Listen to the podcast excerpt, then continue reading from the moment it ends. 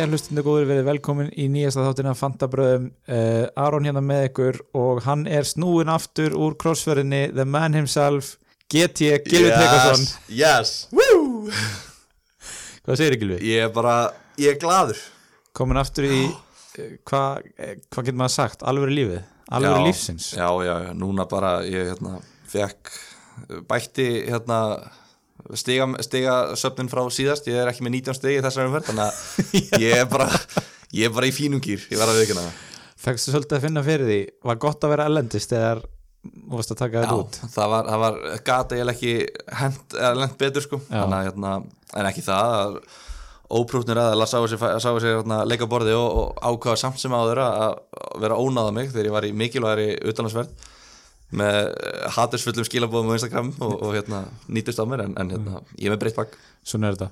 Já, já, já. að, hérna, Þetta fylgir þessu. Já, en gott að vera komin aftur ég er búin- er að sakna þess að vera þetta Ég er búin að sakna því já, sömleiðis Herru, og ok. hlustenda, ég er búin að sakna hlustenda líka. Já, þau sakna þín á aflaust. Ábyggilega. Uh, Áður við höldum áfram þá ætlum við að tala um samstafsálun okkar. Já, það er, efst á blaði er Nemja, já, þeir hérna já, þeir eru ennþá samstarfsæðilar okkar. Og hérna sem er bara flott sko, ég held að þetta sé bara mjög sniðut hjá, hjá nemi að vera uh, styrkja hérna fantasy podcast. Já. þetta er náttúrulega með engakenslu fyrir framhaldsskóla nema og grunnskóla nema og, og markkópurinn er náttúrulega að hlusta. Þannig að hérna, við höfum svo sem farið yfir áður að þetta er mjög sniðut að kíkja í einhver tíma og hérna og, og kaupa sér þann með tíma til að pæla meir í fantasy. Já. Og svo erum við líka í bóði Elko og sem er hérna helgast að því að nýji FIFA leikurinn var að koma út FIFA 20 og Yeah. ég þykist vita að þú sért lítið búin að spila þar sem að þú varst í USA Ég verð nú samt að viðkjöna, ég stalst í smá. Já, ég, ég greip í fjastringu eitt eða tvö kvöld sko. Og hvernig gekk? Það gekk bara fyrir vel. Já, Ég, hérna, ég fíla þetta Mér finnst þetta, mér finnst bara, mér finnst líka um geggjör já. En þú, ég verðist vera ennþá jafn lélugur í honum. Aðja í nýja og í gamla. Þetta er samt svo afstætt að það segja allir að það séu góður Ég segi hérna bara, ég sé geggjör í þessu sko. ég, ég veit ekki alveg hvernig hann færi sko. Við þurfum að taka leik á eftir. En Já. gott að hann er komin út leikurinn og, og, já, hérna, og, þetta er alltaf svona ákveðin hápuntur árun hjá manni. Já, ekki, ekki hjá mér En, en, hérna, en það, ég ætla ekki að dæma. Ég spurði hérna Hjamma og Vigni hérna síðast maður þetta fyrsta, fyrsta FIFA leiknum sem þú spilaðir? Já, ég var að FIFA 2003 hjá mér. Já, Eh, Ég spilaði eitthvað FIFA-leik í PC já, Ég bara, veist, 98 eitthvað sem ég gróf eitthvað þar í hillu sko. Ég er náttúrulega 95 móti, sko. ég var ekki 30 ára kannski í tölvu en þetta var eitthvað, ég man ekki en FIFA 2003 er, fyrsti hérna, Playstation FIFA-leikur minn. Ok, nú ætla ég að reyna að rifja upp. Framan á honum voru Edgar Davids uh, Roberto Carlos og Þú ert alveg sveittur nördið maður. Einhver einn í viðbót maður, ég, ég, Var það 2003? held að Ég man það ekki Ég man bara, mér fannst 2004 alltaf skemmtilegri já, og besta vinnu mínu fannst 2003 alltaf skemmtilegri. Þannig að við vikst, ég átti 2003 og hann átti ákveði leðilsa en við, við, við viksluðum allavega hérna, leikjum til þess að fá að spila leiki sem okkur var ég skemmtilegri. man það, ég man það samt sko. 2002 og 2004 voru góðir. 2003 þeir breyttu rosa miklu í honum Já. og virtust af aftur sá það var ekki alveg rétt skrif og breyttu aftur. Já, en hættum að tala um FIFA við þurfum að tala um málmálana Fantasy Premier League. Hva- oh byrjum bara á því hvaða breytingar við gerðum fyrir umferna sko, það var svo mikið að gera inn í síðast ætti ég glimti að segja, ég gerði þrjár breytingar. Já, ég tók mini wildcard. Já mínivalkartið Það er flott ég sérstaklega gaman eða nota þetta hérna, lingo þar sem að þetta er örugglega eina skipti sem ég átti að gera þetta. Já, já, En nei, átti- nei, við átt- gerum þetta áttinni tvær fría breytingar og gerði þrjár tók mínus fjögur. Seldi uh, Kane seldi Mason Greenwood og seldi Lucas Digne Ok, og tók inn Roberto Firmino Tammy Abraham og mann sem við höfum eftir að tala hans mikið um Serge Aurier. Þessir þrý leikminn gáðu þér samanlagt tvö stig. Já, það má eða fengu samanlagt tvö stig. Já sko og Tammy var hann að fyrirlið þannig að þeir samanlagt sko eftir frádregin mínus og alltaf þá voru þetta fjögur stig. Ég er ekki reyna að vera leðilegur já, þetta eru verstu breytingar sem ég séð. En ég er líka reynið svolítið að kasta frá sko, ég, mér veist ég er búin að ber, vera byrði eða svona, mér veist ég er búin að vera hirðfýblið hérna í tvær, þrjár vikur sko, Já, já, sem já. lélegasti fantasyspilar í landsins. Já. að ég er svona, ég ætla bara strax að kasta þið núna yfir á þig. Þessar skiptingar er svona hreitni í íslensku, það gengur ekki upp. En það er backfire svolítið. Við sjáum að hérna, ekki það, ég átti tvær fríar þannig að svona, ég var einhvern veginn alltaf að fara að gera breytingar og Já. ég, ég var búin að koma auga á fimm leikmenn sem ég langaði og, og basically koma auga á fimm leikmenn sem ég langaði að skipta út þannig að ég fór í það fyrir að gera fyrst þrjár og svo tvær fyrir næstu viku já, já. en ekki það, þú veist að Tami Abraham á, á ruggla prógram eftir sko, hann gæti alveg skora þrennu í næstu umferð á meðan Kane skora ekki, þannig að þú veist að snemt að segja um það, en, en hvað fyrstu mörg stig í umfyrinni? það þarf ég að segja já, 38 yes, ok. Og svo mínus fjögur, já. Já, þannig að í hvaða sæti ertu núna í heiminum? Úff. sko það er náttúrulega eftir endurreikna eftir já, en fyrir hann var ég í overall rank 1,5 miljónir ok. Sem er ekkit svaklega gott. Ég fór upp í top 1 million yes. eftir síðustu umferð búin að maður. aðeins niður. Já, já Það er bara eins og það er þetta er, þetta er svo sem ekki fallega tölur. Nei, en er svo, stu, þetta er ennþá maður hoppar svo fárana já, mikið þetta er ennþá að meldast hérna. Að maður getur hoppað upp einhver hundruð þúsunda sæti bara á einnig góður umferð. Já, en hérna það var mikið af uh, púðurskótum menn voru mikið að klikka hjá mér. Uh, Sinchenko með tvist Sala með þrist uh, Cantwell og Pukki báði með tvist bara oh, það Norveits dæmi er hálf óþólandi sko. Nei, nei, ég fíla það. Ég er farin að, ég farin að fíla það núna. Það Mér er skemmtilega þegar þeir fá ekki stig. Fyrir mínu með tvist og Abraham með tvist og þar hann leiðandi fjögur sem kaftin sem er náttúrulega það sem að er að skemma mest sko. Já, já, veist, ef hann hefði bara fengið einhver 12-16 stiga þá maður í kringu 50 það verið allt í lagi sko. já, og svo náttúrulega hefði verið rosalega fínt að vera með Martin Kelly inn á í staðin fyrir Serge Aurier, það er áttastíð að svifla þar. Já, já Þú varst með Kelly á bekknum. Já, Ekki sá eini. Við þurfum að ræða það bara Já, þú mátt taka það núna. Ég, ég ætla að taka það á eftir allavega hjá mér sko. Já, tökum það bara eftir hérna, Já, það syndir mínar. Já. Hérna, segðu þú gerir fullt af breytingu fyrir þessu umferð Já, ég gerir fjóra breytingar. Já, tók á mig hérna, ég átti tvær skiptingar eftir hann. Ég tók, tók mínus 8, ég man ekki hvort ég var búin að segja það í síðasta þetta en, en hérna svona fyrst og fremst þá á, ákvað ég að selja Seamers Coleman. Ég var svona búin að ég er búin að vera að tala um hann núna í sex umferður og ég hugsaði, já, ég gilur þetta Coleman ævintýri þitt, nú, nú verður þú bara að fara að, að vakna. Uh, það er engin með þér á vagninum Já. þú ert bara gjörsalega aðleitna að æpa eitthvað í myrkrinu. Sleft þessu bara, seldan bara þú veist, Já. hættu að vera trúður. Já, þannig að ég seldi Coleman og hérna hann, hann þakkaði það með að leggja upp mark á móti Manchester City. Já, hann er ekki búin, hann laði ekki upp mark á móti Sheffield ekki Bournemouth, ekki Wolves, ekki Aston Villa móti City, þá hafa leikurinn. Já, sko þú getur eiginlega bara að þakka frændaðinum Calvert Lúin fyrir að rekka pönnuna í boltana því annars hefði Kolman hreinlega skorað markið Já, sko. já, ég var bara, ég var allir guð sem þetta verið varað og dæmdi eitthvað rángstæða eða eitthvað sko, en ó, það var, það var helviti vondana, en ég, ég tók Óta Mendi líka fyrir Kólman, hann er ekki bara, þú veist, Kólman tók á með Já. hreinanlagi frá Óta Mendi, þetta var alveg, þetta var alveg umurlegt moment, sko, en hérna, svo sem bara lýsir bara, hérna, lýsir bara tímabilinu hinga til, þetta er, þetta er búið að vera þungt tímbil en þú veist, samt, skilur, þetta er, þetta er fimm stiga sveifla, fimm Já, stiga ekkert að drepa, svo tók ég inn Mason Mount líka, ánæg með að hafa bara tekið hann strax Já, fyrir Marshall já, þú veist, í alvegunni, ég, ég er svo sár út í óleikunum solskýr fyrir að hafa ekki bara sagt bara, heyrðu, ok, Marshall, þetta er eitthvað slæm, tók, þetta getur verið lengi frá. Ég held að myndi bara koma eftir síðustu landslíkjali hann er búin að vera frá einhverjar fjóra leiki þetta er, ó, hvað þetta er og hann var ennþá ekki með á móti Arsenal þannig að Nei. ég bara hugsa, ég nenni þessu ég seldi hann, Já. tók Mason Mount inn og, og hann lagði upp. Hvað gerði ég meira, ég tók uh, gerði Wood. viðbót. já, ég ætlaði að enda honum gerði ég bara þrjá breytingar? Nei, Nei, ég tók Mane inn fyrir Störling, já já, Seldi Störling áhugavert. Og tók Mane inn. Og þú veist og þetta er, svo, þetta er svo, ég er orðin svo steiktur í hausnum og bara, þú veist ég er ekki með Sala út af því að Liverpool er að fara í erfiða leiki. Já, og, og þannig ég hugsa, ok, ég ætla að býða hans með Liverpool menn. Svo bara panikaði ég eða eitthvað, ég veit það ekki skilur þannig ég tók Mane inn fyrir, Sa- fyrir Störling, átti ekki efna Sala. Og hérna, ekki það að manni átt að skora svona, það minnstakustu tvö mörk í leiknum á móti Sheffield, klúraði tveimur dauða færum, Já. en hérna Þeir voru allir í krummafótarna fram á í Leifbúl. E, já, í Já. en það voru ekki allir í krumafót því að það var einn maður sem skoraði mark í síðustum verð Chris Wood. Minn maður, Chris Wood, hann, hann er minn maður. Sko þú sagðir að Asli Barnes var þinn maður. Já, þeir eru svona báðir. E- Chris Wood er minn maður. Já.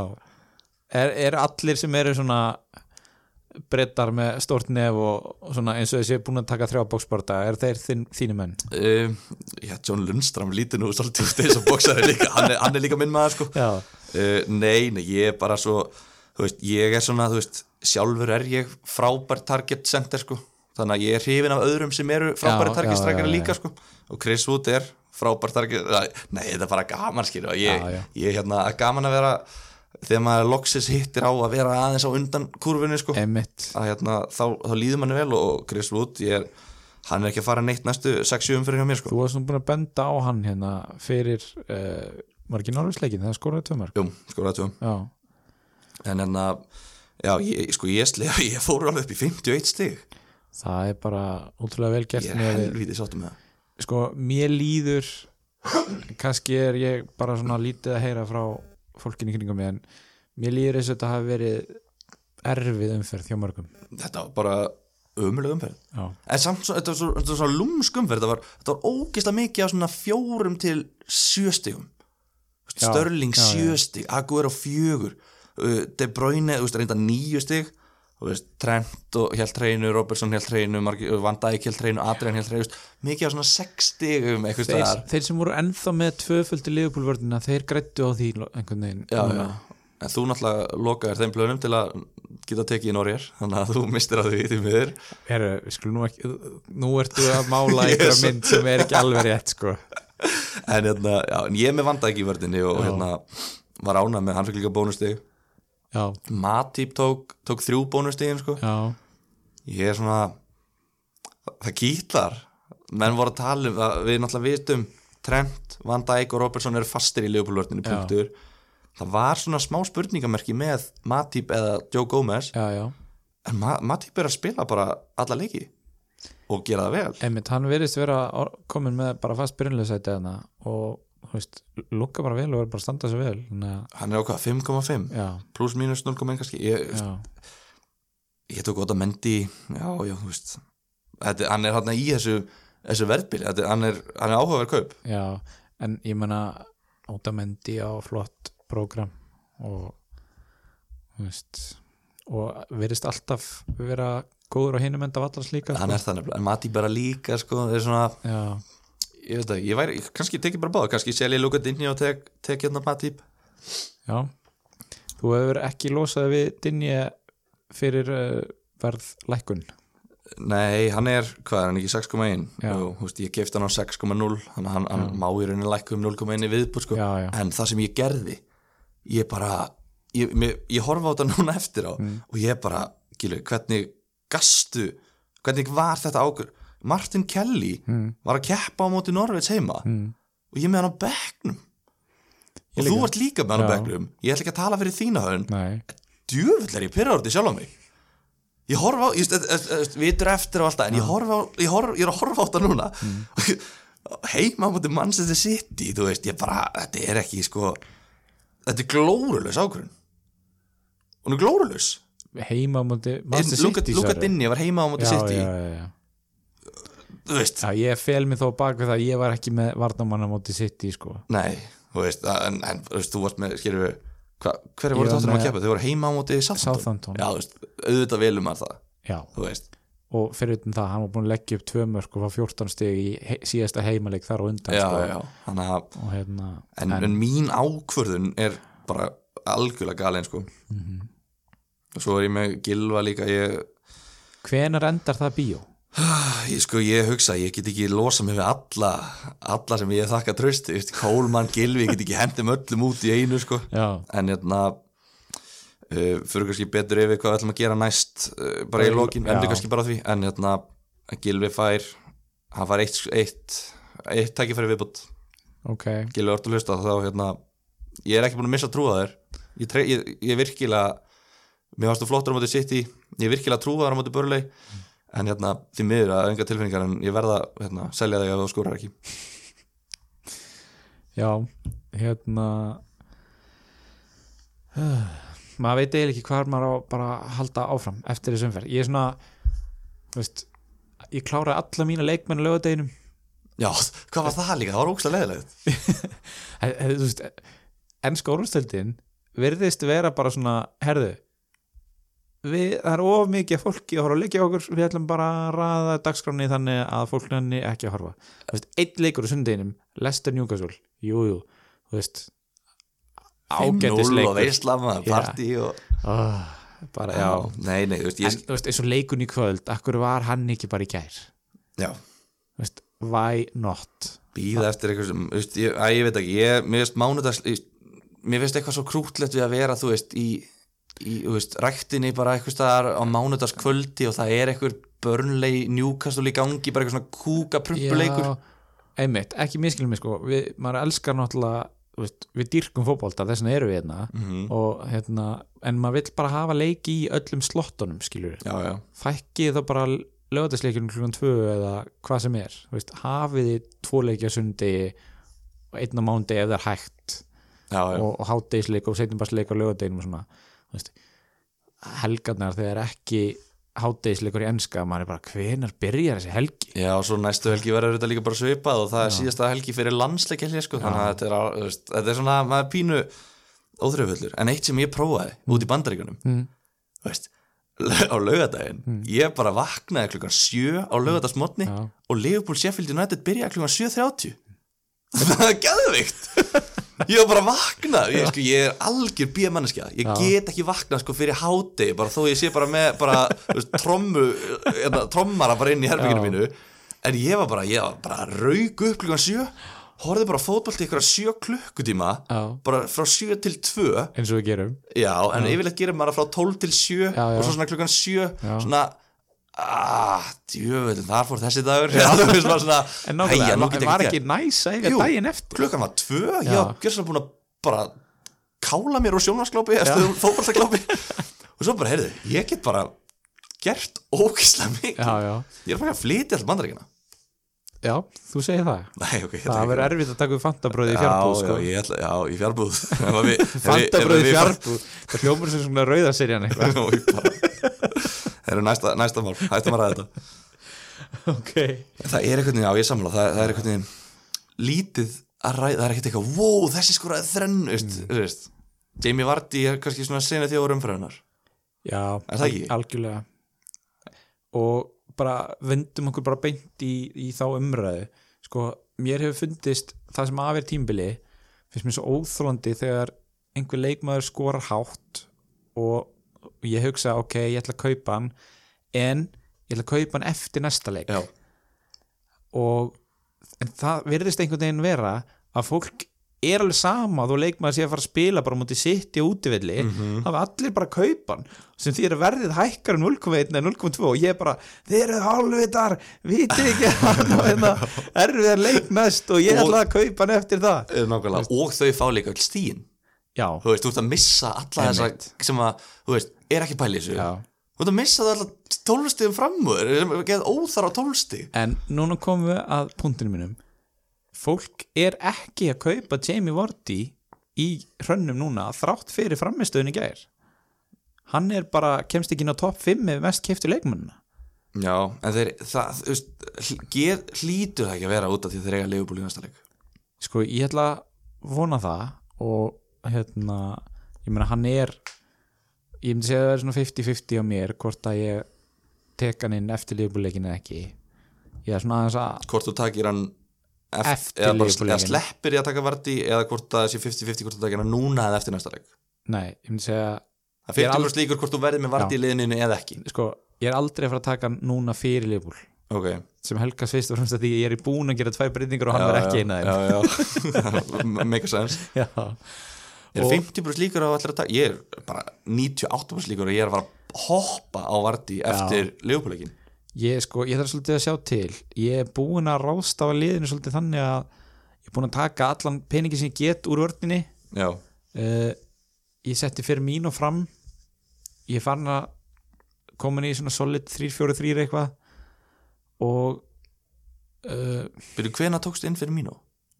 núna fyrir þessu ferð Hann er náttúrulega í sama verðbili og Vardí Vardí og Vardí og fyrir Mino ódýrari. Já, þannig að var, e, það, ég, ég reyna að segja ef, ef ég tek Vardín þá er það líklega fyrir fyrir mínu já, sem er svolítið erfið ákvörðin en að sama skapi á fyrir mínu ekki það, fyrir Liverpool City mann finnst ekkit vera erfitt prógram. Ná, en hlutir eru miserviðir já, já, mis erfið En en, eða mis léttir en mann lýri sem að reyja ekki horfa eins mikið í leikjadaskrana hjá þessum liðum. Ok, ég ætla bara að kasta því fram. Ok. Já, ég bara minna, það skiptir minna já, máli. já. Ég meina, liðið búin að vinna, að alla leikina sem eru búin að spila. Það er rétt hjá þér, Já. heldur betur maður. Er þeir þá efstir í deildinni? Uh, já, byrju, ætla að opna hérna textaðarspið Já, þeir eru efstir Þeir eru efstir, Já, það er svoleiðis. Svona, Tjúvel er gaman að heyra það. Herðu, já. Þannig að um, Já, hvað, þú veist Ég veit ekki, maður er eitthvað svo dofin eftir sumveri Ég er svona, ég var samt ekkert eitthvað mega perraður á þessum 38 stíðum Ég var bara eitthvað svona Nei, þú veist, ég fagnaði reyndar störlingmarkinu sem kom í lokinu Já. sitt í leiknum. Já, ég, mér var alveg saman Aguero fekk stóðsendingu fyrir það sem er steikt en, en flott Byrju, þú varst með Aguero í kaftin Það var fyrirlega mér. Bara, ah, ég var ándjóks, þetta pep rotation Ég var svo mikið með, ég var svo mikið búin að lesa þetta síðasta tímabili. Mér veist ég, mér, það er eitthvað svona einbendingaskortur eða eitthvað. Ég hefði átt að fatta að, þú veist, hann kvildi De Bruyne, svo kvildi hann Störling Var hann að fara að kvíla Aguero núna, það er svona að, Ég veit ekki, þetta er eitthvað svona, þetta er alveg semi munstur þó þetta sé að gjörsala random einhvern veginn. Já ég myndi ekki vera eitthvað grimmur við sjálf mig sko. Ég veit ekki hver ætti að fatta hvað er í gangi á hausnum á honum sko. Nei, ég er að pæli að hafa bara De Bruyne sem fyrirlega bara alltaf. Já, ég sé mig koma það líka. Hann er bara svo ógeðslega góður. Líka, ég elska að sjá hluti sem eru svo augljuslega af æfingasvæðinu sko. eins og, og þú sér það, horfðu á City þeir eru búin að skora sama marki núna. Marki hjá hennar Gabriel De Jesus- Bruyne kemur með ógeðslega fastarinn kross í svæðið og Já. einhver lítill í tittur hleypur hann á potar hann við horfðu á þetta hægri kantmaður nefn með boltan leggur hann út út. leggur hann út. De Bruyne tekur svona fullkomið svona tillaup svona 170 km hraði sem er á sem fyrirgjöfum vippar krossinum svona akkurat í svæðið á marktegnum og leikmennir, þú sér það bæði Jesus og Störling eru komnir á strauginu Já, þannig inn í og geta nánast valið hver skallar boltan inn. Þú veist, þetta er bara sammarkaði skoramöndi tóttinam þú veist, mér lýri sér, að sjá þetta í svona 15 skipti á þessi tímbili það hefur kannski ekki alltaf skila marki en þú veist, þetta er svakalegt. Já, já, já, bara klárt en uh, maður er einhvern veginn, þú veist, svo hugsa maður ok, hversu lengi geta svona hlutir haldið áfram að gerast áður en þeir, þú veist á en anstæðingur sér við þeim. ég meina bara áður en einhver heyrðu, ok, vartan lína hérna, þú veist, prófum allir að taka tvö skref aftur og bak, Já. þú veist verjumst bara inn á markteg að því Já. sitt ég er að skora mörkin sína af markteg sko, Já, prófum það bara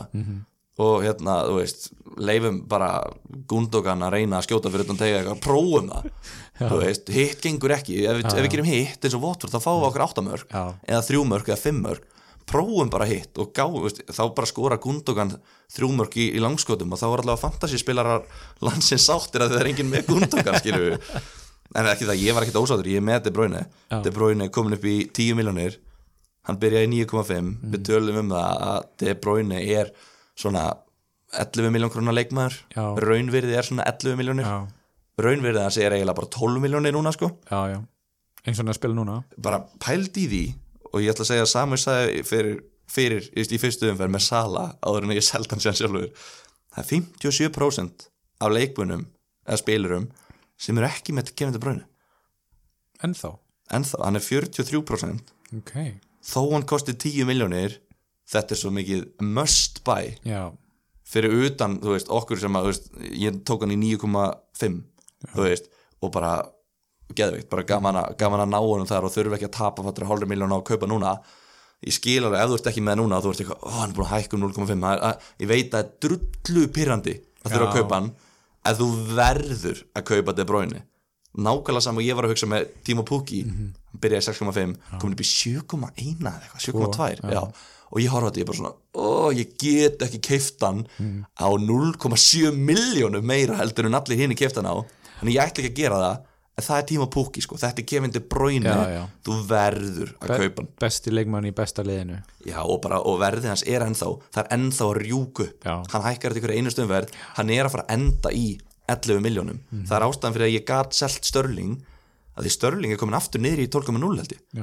Ég, ég hérna keifti hann í 12,0 hann fór upp í 12,2 eða 3 já, hann er komin aftur niður í 12,0 þannig að það er ekkert mál fyrir mig að kaupa hann bara aftur ef, að, ef hann skora þrennu í næsta leik. Mm. -hmm. kemur til bráinu, ef ég ætla að selja núna skil, veist, það er enginn að fara að selja til bráinu Já, Nei. ég er búin að byggja svo mikið valjú í honum að ég er aldrei að fara að selja til bráinu það er enginn sem er með hann núna er að fara að selja hann.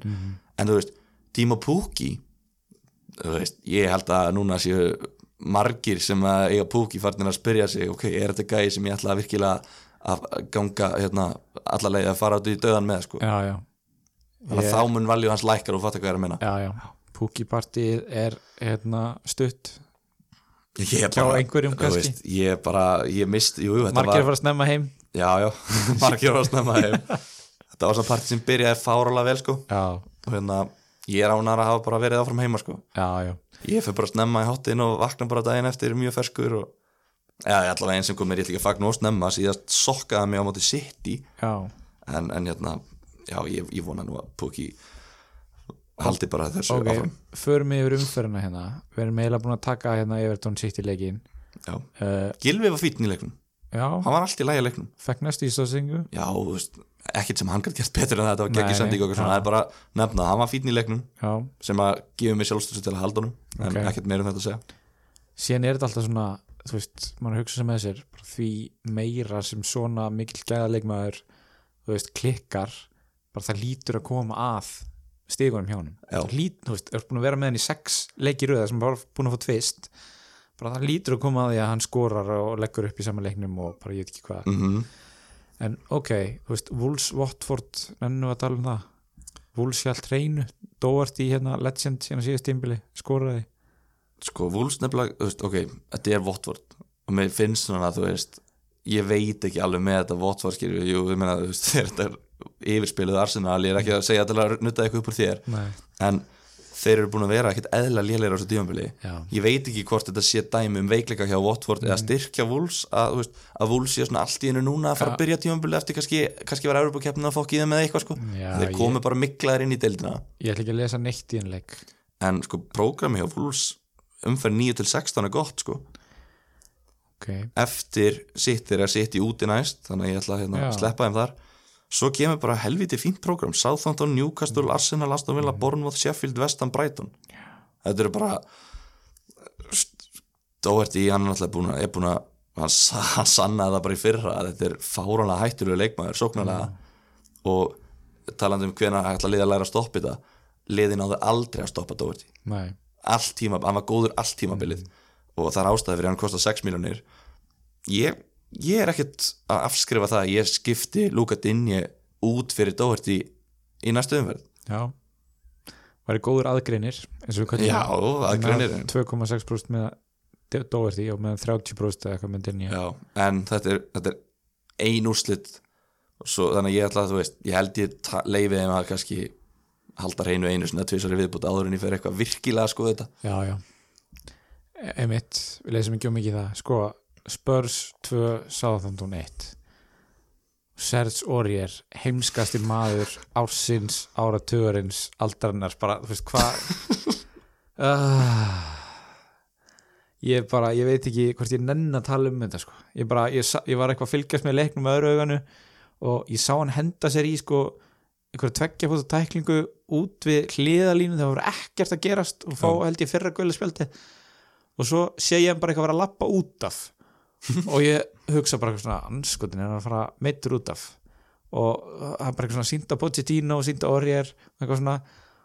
Og svo heyri ég bara að hann fekk raukt spjald og ég bara frábært veist, eftir eitthvað 34 mínútur eða eitthvað. Ég næ ekki alveg ég fatt ekki alveg þessi kaup sko ég vil bara verða við ekki það. Tóttina mér ekki að halda hreinu. Nei, heldur reynu hann í heimaleiknum uh, síðasta heimaleik eða ekki? Er þeir búin að, já, Það var mútið móti- Krista Pallas móti Palace. Þeir eru búin að halda reynu einu sinni á öllu tímambilinu Er það ekki? Jú, en ok ég meina þetta hefði hort öðruvísi við ef hann hefði ekki fengið raukt þeir fengu á sig mark núna sem var endur alveg bara þvílíkt trúðamark að hálfu var Heldur að Loris hefði hugsað Heyrðu, Ori er ekki búin að fá rautspjald Ja. Ég ætla ekki að fara þú veist, hann, Þetta er bara, jálfurni Þetta er svo mikil, mikil trúðalest Þessi tóttina veist, þetta er bara Þetta er, er galið. Já, Þetta eru bara eða- Þetta er bara svona Bara steikt í gæjar. Já, sko þetta er svona sama sagan bara eins og með vörnuna hjá til dæmis Arsenal og virðist vera Manchester United og eitthvað þessi lið sem eru þarna að keppast um að komast ekki í mestradildina eins og já. síðast ári þessi Já. fjögulið þú veist það bara er, þetta er ekkert skrítið, þau bara get ekki varist En af hverju ertu þá að eyða 5 miljónum í þetta? Af hverju kaupir ekki bara eitthvað á 4,5? Af hverju tókst ekki Sojongu eða Tomori? herri, ég tók uh, ekki svo jöngu út af því að þeir eru að Leopold næsta leik. Ég ætla að Já. býða, þess að þú bara sjálfur búin að tala um það, ætla að býða fram yfir hennan Leopold leik, Já, þá voru þeir búin með þrjá erfið leiki í síðustu fjórum já. og að bara grænar grundur framöndan ég er að tala um að, að sko býða með hann og ekki kaupa orjér á meðan þú býður Þú veist, Já, það, það já, var svona já, það sem já, að vant já, að já, skynni já. þetta að, geima það líka. En ég meina uh, ég, veist, ég alveg tala. Ég, við tökum minna spurningar frá hlustum og eftir sem voru að spurja um orðið líka. Þú veist, ég bara vorkir ykkur öllu sem voru með hann. Já, ég líka. Herru, Kristapalas 2, Norvits 0 Pukki skorar ekki Kantvel skorar ekki, Norvits skorar ekki. Og Mili Vojevits skorar. Já, það var svolítið skemmtilegt. Og Saha er með stóðsendingu hann reyndar var ekki fiska víti og ótrúlega þess að það var einhver annar en Saha sem fiskaði viti. Þess að glitch in the matrix. Þetta var bara Nei, nei, ég, ég samgleðs Mili Vójevits hann, ég held svo mikið með honum. Já, ég var með, sko, ég byrjaði síðasta tímabil með Mili Vójevits og Gilva í fyrra. Já, og þeir gátu ekkert í svona fyrstu áttaleikjunum Mm. svo seldi ég báða og þeir fór báðar að blómstra. Núna hugsa ég, ætla ekki að gefa Vógers tækifæri og hann er eh, aftur, Gil og Vógers báðir búin að byrja illa. Ég vona núna að fara að byrta til hjá þeim báðum og hérna, að því að alltaf alltaf þegar Milli Vógers skorar sem er bara á vítum, alltaf þegar hann fara vít og skorar hann fara alltaf þrjústi í bónus. Já, aldrei, hann þarf aldrei að hafa áhyggjur af því eins og þegar kannski, Jorginho skora fyrir Chelsea úr víti já, þá þarf hann alltaf að pæ ó, býtu, já, en Tami Abraham er reynda búin að skora tvö mörg og leggja upp eitt og Tomori er búin að skora og halda hreinu eitthvað svona. Jorginho fær aldrei þessi bónusti. Mili Vójas, þetta er alltaf bara eitthvað svona 2-1 sigur eða 1-1 í jafntefli víti mark skýru já mörkin hans telja sko. þannig að hann fær alltaf 10-11 stig já, þegar hann skora eitt mark. Þetta er bara en sem segir okkur líka það hann er bara eiga, þú veist, hefna sendingar og spila góðan leik, þú veist. Já. mennu þetta detta niður í bónustegagjöfinni þegar þeir eru að klúra færum eða klúra sendingum eða missa boltan, Já, já, eitthvað svona. En, en Krista Pallas er búið að halda hreinu þresvar í sjöleikjum það er vel gert. Patrik Van Anholt við bara gefum honum þetta allan heiðurinn að þessu ekki? Ég, hvað, að, því að halda hreinu þresvar já. já, jú, klárlega. Pa svo við kofurum hérna Patrik Van Anholt hotnið já, erum við með update á hans liði, vitum við hvernig honum gengur? Um, ég tjekkaði ekki á liðinas núna skoða, kíkjum á það næst. Já, kíkjum á það næst. Við, hérna, hotnið má ekki taka á langan tíma á þetta nei, nei, nei. Herri, ok, Chelsea 2, Brighton 0 Já, ég, ég veði á réttan hans þar, ég tók mig svo mátt frekar en Tami já, og hérna ánæði með það. Og loksins svona, yes, ok, það dætt eitthvað fyrir mig. Ég hérna hef ekki góða reynslu af því að vera með stilt á fyrirliða yfir, yfir vikuna og breyta svo síðan stundu. Uh, ég gerði það núna fyrir þessu umferð. Breytti úr fyrir mín og yfir í Tammy Abraham. Ekki það, ég hef alveg fengið mörg stig sko. Já, já en, og mér leiður svo vel eftir leifupúleikin að þegar að þeir voru allir búin að klikka að eiga fyrirliðan inni sko mm en svo skoraði þetta mér ekki og ég sá nú ekki leikin uh, veistu hvað, var hann í færunum eða sko, ég sá ekki leikinn sjálfur Nei. og ég horfði bara á markasúpu það var eitthvað nokkur hælar sem að færa ekkert öll hælatsin sem maður vill sko nei, nei. en hérna, ég var að skoða eitthvað svona tölfræði Mm. um þetta og það var svona, það það er einn linkur á þessu sem að heitir expected goals. Já, og það var sko expected goals þar sem er yfirleitt frekar lágt sko. Já, tökum bara hérna eitthvað, ég er ekkert með dæmi í fl- í fljótu bræði en hérna, hann var sérst með 1,16 expected goals eða eitthvað svona. Tammy. Já, Já, og yfirleitt þegar maður skorar þá er, þá er expected goals er svona kannski, þú fær kannski 0,5 já, fyrir dauðafæri eða eitthvað sko. þannig að hann, hann hefur kannski fengið tvö góð færi eða þú veist, eitt bara algjörum þetta, ég man ekki, ég veit ekki alveg hvernig þetta var en hann allavega virðist að verið að í já og hann, hann er það einhvern veginn yfirleitt, Einmitt, mér finnst það góður leikmaður Þess sko. vegna tók ég hann nú inn og veist, það þarf nú svo sem ekkert innsæði í það hann var búin að skora sjömörk í þreim leikjum þar á undan, undan leifbúleiknum sko. hérna og fekk gott færi í honum þannig að þetta var kannski ekki eitthvað reynmenn ákvörðin hjá mér sko. En kannski svona nafnið eftir þennan leik sem er verið að ræða í Chelsea, það er Tomori Já, 4,6 miljónir mm, hjælt reynu og bara prógramið að þetta er svo mikið grín prógram sem þeir eru að fara á að það bara, mjög flott. bara Southampton, Newcastle, Burnley, Watford, Crystal Palace. Mm að bara, þú veist, þetta eru kannski Burnley eina liði þarna sem að mm, er að fara að skora á það skýr hinn liðin, þetta getur auðveldlega verið fjögur reynlög í næstu fimm leikjum. En er það samt? Er, ég meina þeir voru hvað voru, halda fyrsta skipti hreinu núna Er það ekki? Uh, Jú. jú yes. þú veist, er maður ofmeta þetta? ég, ég held ekki, veist, bara, veist, þú, ég veit ekki skilur við við, við getum spáðið í spili núna já, en, en hérna ég held að Lampard sé bara svona, þú veist, hann byrjaði bara að spila skemmtilega og svo, ok, við þurfum aðeins að þétta vörnina, ég meina, Mm. Já. áherslan hans hefur væntalega verið varnarleikur síðasta mánuðin Já, já, af því að það er ekkert að sókninni, þeir eru að skora mörg og búið til færi og svona. Já, en kannski aðeins að þétta vörnina og hann er búin að vera rótir að hann alltaf byrjaði með Kurt Zuma og það er bara ekki leikmaður sem á að spila í, í topp liði. Hann síndi það bara þarna eins og hann var fínni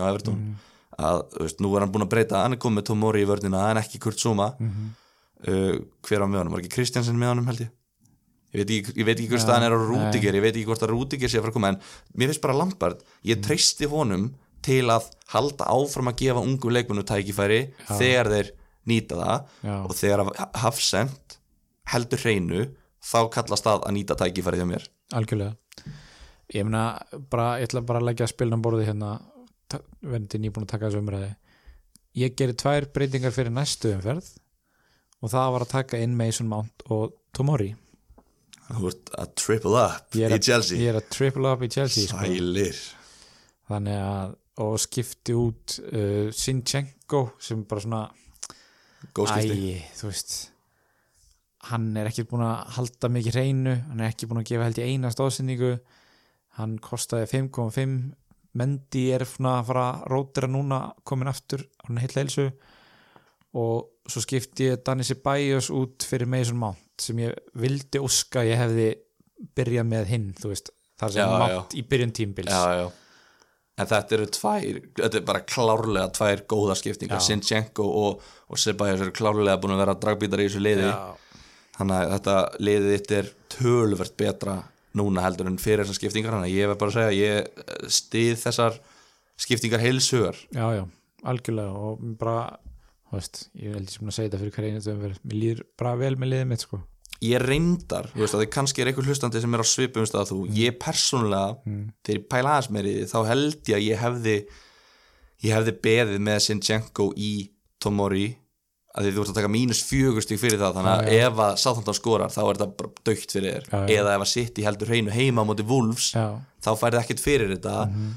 þannig að þú veist, ef þú ert ekki nema að sért búin að ákvæða hvað þú ætlar að gera eftir næstum við líka, Mhm. Að ég hefði líklega beðið með það af því að þá er ég líka að kaupa mér tíma til að geta nota næstum fyrir að hugsa hvort ætla ég að taka Tomori eða já, að þeir eru báðir á 4,6 og þá er Sojonku búið með já. þá fæ ég, ein, eh, fæ ég 90 mínútur aukal af Tomori Mhm. en þá hef ég aðeins meiri upplýsingar sleppi mínustíðin og þá eru báðir fattar auðvist, Southampton úti þeir gæti alveg skora fattar auðvist ég, ég hef persónulega líklega beðið Mm þú veist, bara fyrir, svona fyrir einhvern ef einhver er að pæla á ég að taka Tomori inn fyrir mínus fjör að veist, hitt er option en, en mér, ég bakki þetta upp skýrum mér finnst þetta góða skiptingar.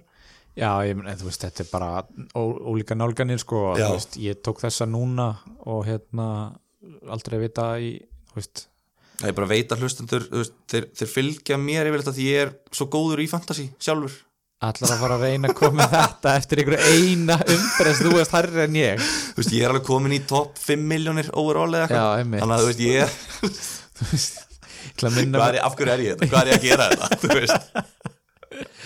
En já, uh, nú man ég ekki hvort að ég náði inn Tomori fyrir hækkuna úr 4.5 í, í 6 en ég allavega tók hann og Mason Mount ansi snemma eftir að umferðin byrjaði eftir Chelsea leiki núna síðast. Ertu með 0,0 núna?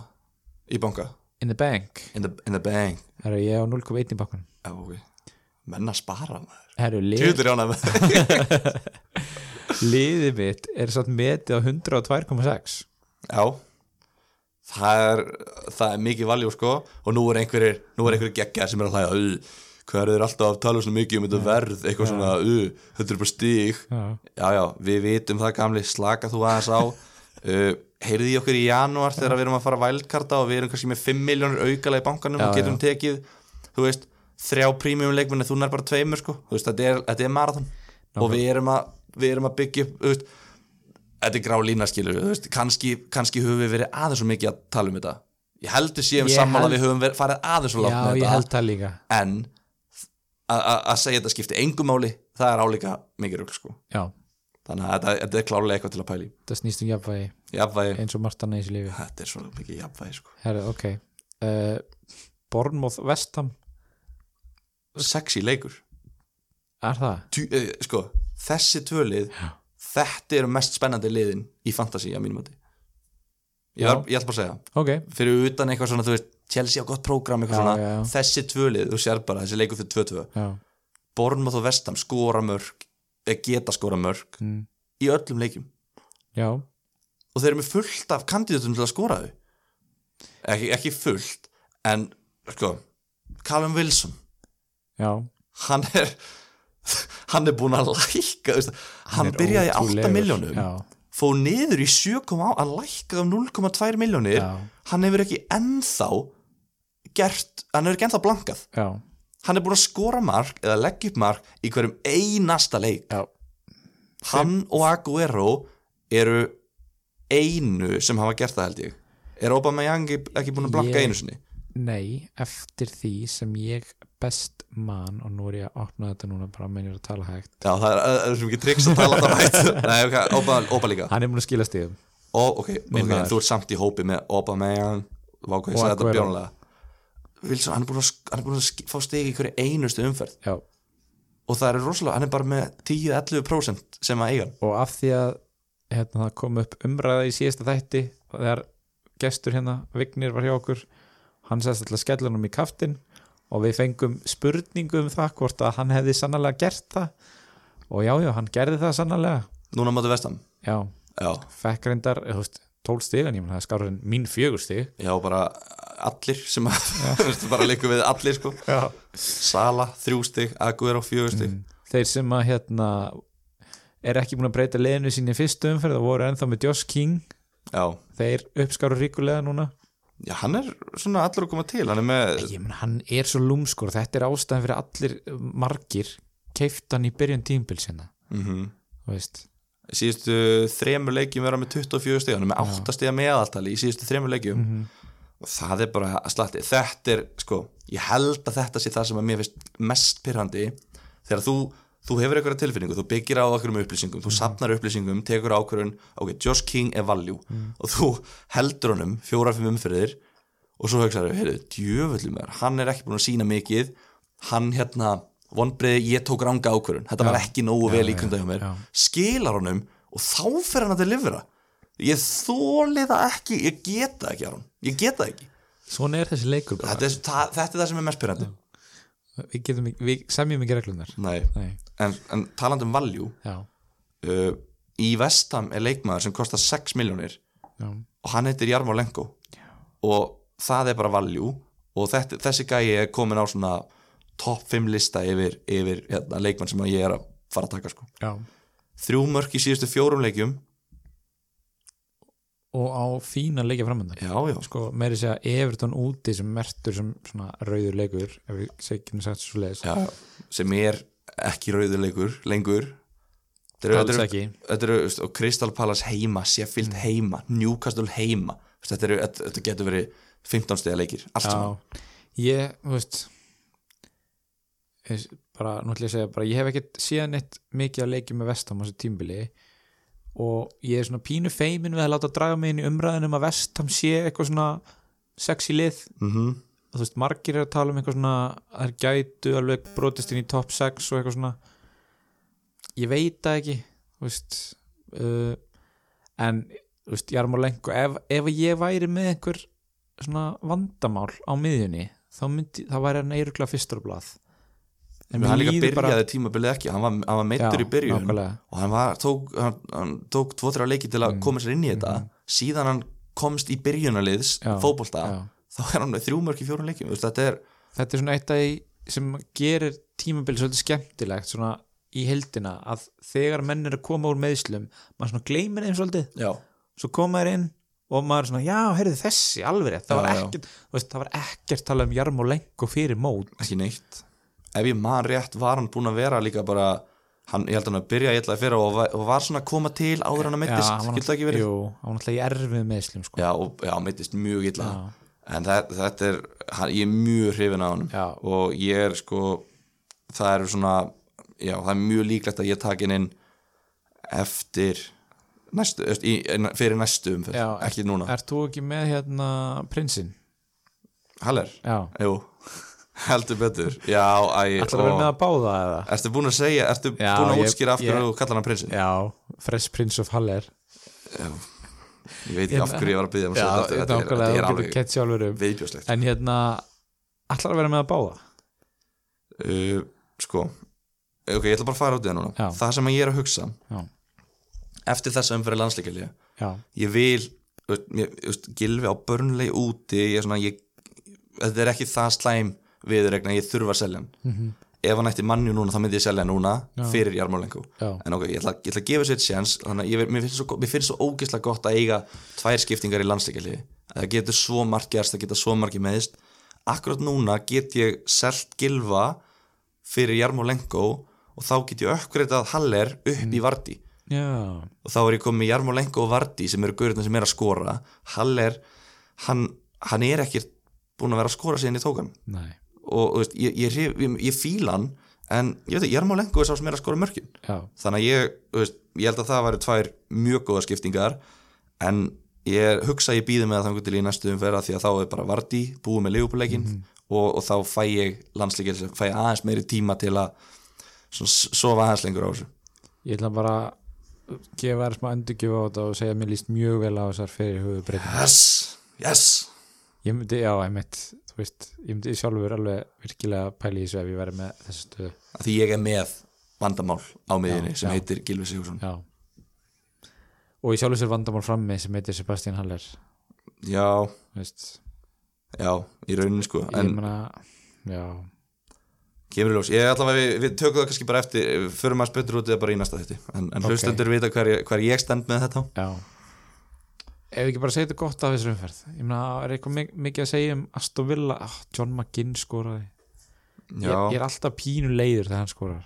Já, þetta er svona það heitir svona gæði sem að mjög margir töluðum fyrir mót. Það var nefnilega verið að tala um hann Já, fyrir mót. að þetta væri svona besti varkostur í þessar 5,5 hann verðflokki. Já, og líka bara hann skoraði í fyrsta leiknum á móti Tottenham og maður svona, ú, ok, skilu, næs og svo þú veist, gera hann ekkert leggur upp mark, gerir ekkert, gerir ekkert. Mm, og maður svona, já, veist, þetta er bara svona þannig leik maður að vera með svona fjög, fimm mörk og eitthvað svona. Já, Nei, nei, Arsenal, búm, mark, bónus. Burnley, búm, mark og eitt stíð bónus. Já, Hann er með 38 stíg tótal Hann er uh, sjöundi stígaðasti leik miðjumæður ok. Við erum ekki búin að halda vatni við Mason Mount. Já, Mason Mount er með 39 stíg, McGinn er með 38 stíg veist, Þannig að og ég hérna er að missa mig yfir Jarmar Lenko með 33 stíg Þannig hann að, færi leiki.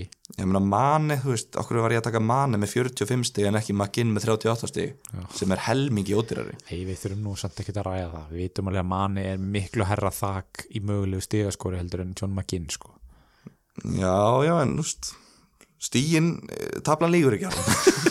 Stigatablan lígur ekki. Það er satt Nei, nei, en, en svo sem mér fannst þetta mér fannst þetta eiginlega líku við drefleðileg umferð. Já, en ég ránar, hún, hún, þessi umferð gaf mér ákveðin svör Já. við ákveðin spurningum. Eða svona leiti mig nær því að draga álíktanir þannig þannig að hérna, ég er þakkláttur fyrir þessu umferð. Og ég líka komst upp fyrir 19 stíðin þannig að, þannig að ég, veginn, ég mun alltaf líta á umferð 7 á þessu tímabili svona hlýju eitthvað Já, ég ætla bara að segja loka punktur minn um þessu umferð ég er rosalega ánar að það er ein umferð eftir fyrir landsleikilið Já, það hefur verið umulegt að fara í landsleikili með þessum Já, bæði bara svona frekar niðurdrefandi og þú veist einhvern veginn ekkert hvað það að gera. Já, ég mitt þetta var svona veist, já, þetta var, þetta var leiðilega fantasi umferð Mér finnst svona eins og þetta sé svona mér finnst svona vera að leggja upp mér finnst þessu umferð svona búin að leggja upp einhvern veginn ok, ég var að segja að ég væri búin að fá fullt af svörum eitthvað fyrir svona einni sekundu Já. en mér finnst þess að þessu umferð sé búin að leggja upp fyrir næstu umferð Já. svo búm, næsta umferð. Það fáum við þrjú mörg frá Aguero 15 stig frá hérna, De Bruyne. Uh, Liverpool Leicester verður mjög áhugaverður leikur. Því ef það vart í skorar þá er ég bara að fara að kaupa hann og ég ætla ekki að selja hann aftur eftir út tímabilið. Ef Liverpool heldur hreinu þá þarf ég að fara að taka Matip inn fyrir Luka Dinni eða eitthvað já. það fullt af aðstæðum sem gæti komið upp. Mm -hmm. kannski skora Haller tvö mörgum undir Krista Pallas, þá þarf ég að endur allt saman. Og, og hérna þetta er vá hvað ég er spenntið fyrir næstu umferð. Já. ég held að næstu umferð verið klikkuð. Ég held að líka. Ég held að ég er eiginlega ofbefast bara. Það er alltaf gott að ofbefast já, ok uh, eigum við að fara í við að fara í bara skilum frá hlust já ég held að rumpa spurningum af enda á svona aðeins, já bara svona aðeins bara svona hvernig það hafa sem fyrirlið og eitthvað svona og svo tökumst við í hendur, kveðjumst Já. og bara vinnudagurinn búinn. Er það ekki? þetta er bara langur vinnudagur. Þessi erfið dagur skrifstofunni ég meina vaktin okkar hófst fyrir sko þreymur klukkutímum. Já, já, við vorum að horfa hérna á uh, leik og Arsenal. Bara engöngu í þá þessar hlaðvarps. Já. þetta var drepleðilegu leikur og ég held með hvoru liðinu. Engöngu fyrir þetta hlaðvarp þetta var vondur leikur sko. og var hérna reyndar nýji bestu vinn minn. Heru, við erum kannski, já. Vá, skilaði góðu marki á hérna Aubameyang. Magnað. Ég ætla að sko, já ok, by the way, þetta var að því að sko, að að aðstóðdómarinn flaggaði rángstuðu já, áður en hann var búinn að skora aðstóðdómarinn átti að sleppa því að flagga, átti að býða með að flagga rángstuðu þannig til að markið væri búið að að býða og svo flagga rángstuðu eftir að boltin væri í markið einhverjir uh, voru að tala um eitthvað uh, hann er búinn að flagga rángstuðu þá var má ekki þetta tilbaka.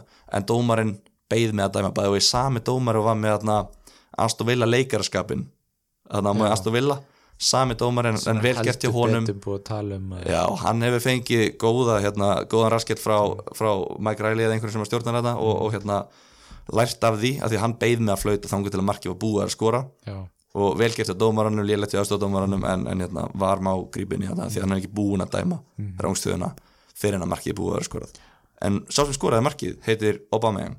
Já, og hann er að sigla inn í helvíti fínt prógram. Vi, við, Mjög við fórum, við fannst einhvern veginn það er eiginlega einu punktur sem mér fannst við eiga eftir úr síðustum fyrr, áður en við fyrir með spurningu og hlustendum þú veist wow umferð 8 til 16 er juicy. Eitt orð, wow þetta grínast?